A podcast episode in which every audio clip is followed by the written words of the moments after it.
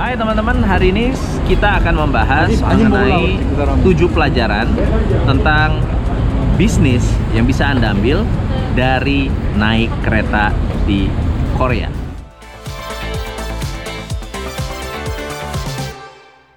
Pelajaran yang pertama adalah Anda harus punya tujuan yang jelas.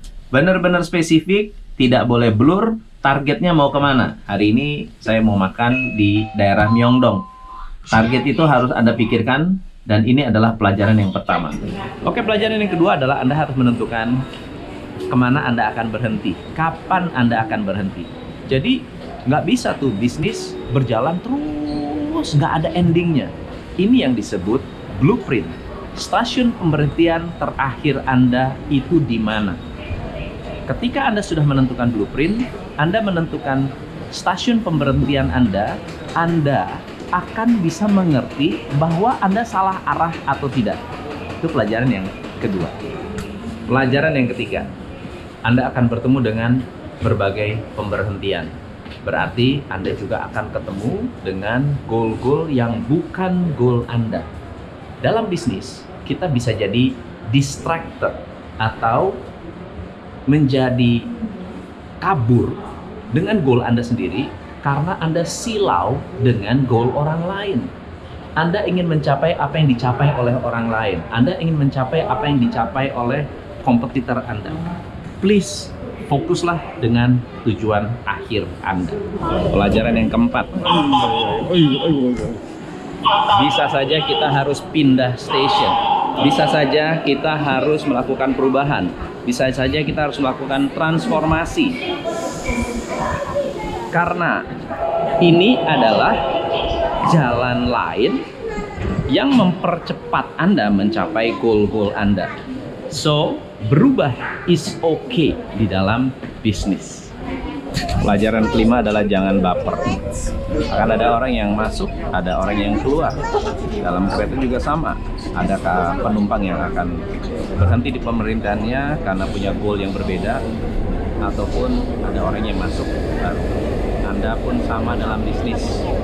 Jangan baper karena ada karyawan yang keluar atau ada customer yang meninggalkan Anda. Karena mereka memiliki goal yang berbeda.